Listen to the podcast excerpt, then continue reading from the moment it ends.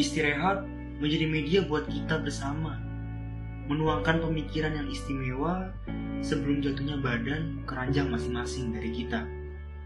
Tidak terfokus pada suka, Tidak juga terfokus pada duka. tapi kita Bicara apa saja yang terlintas di pikiran kita. pagi, Siang, Sore, bahkan malam, kapan pun bisa menjadi waktu yang tepat untuk kita berpikir dan bercengkrama. namun jangan lupa setelah itu semua, Mari kita beristirahat.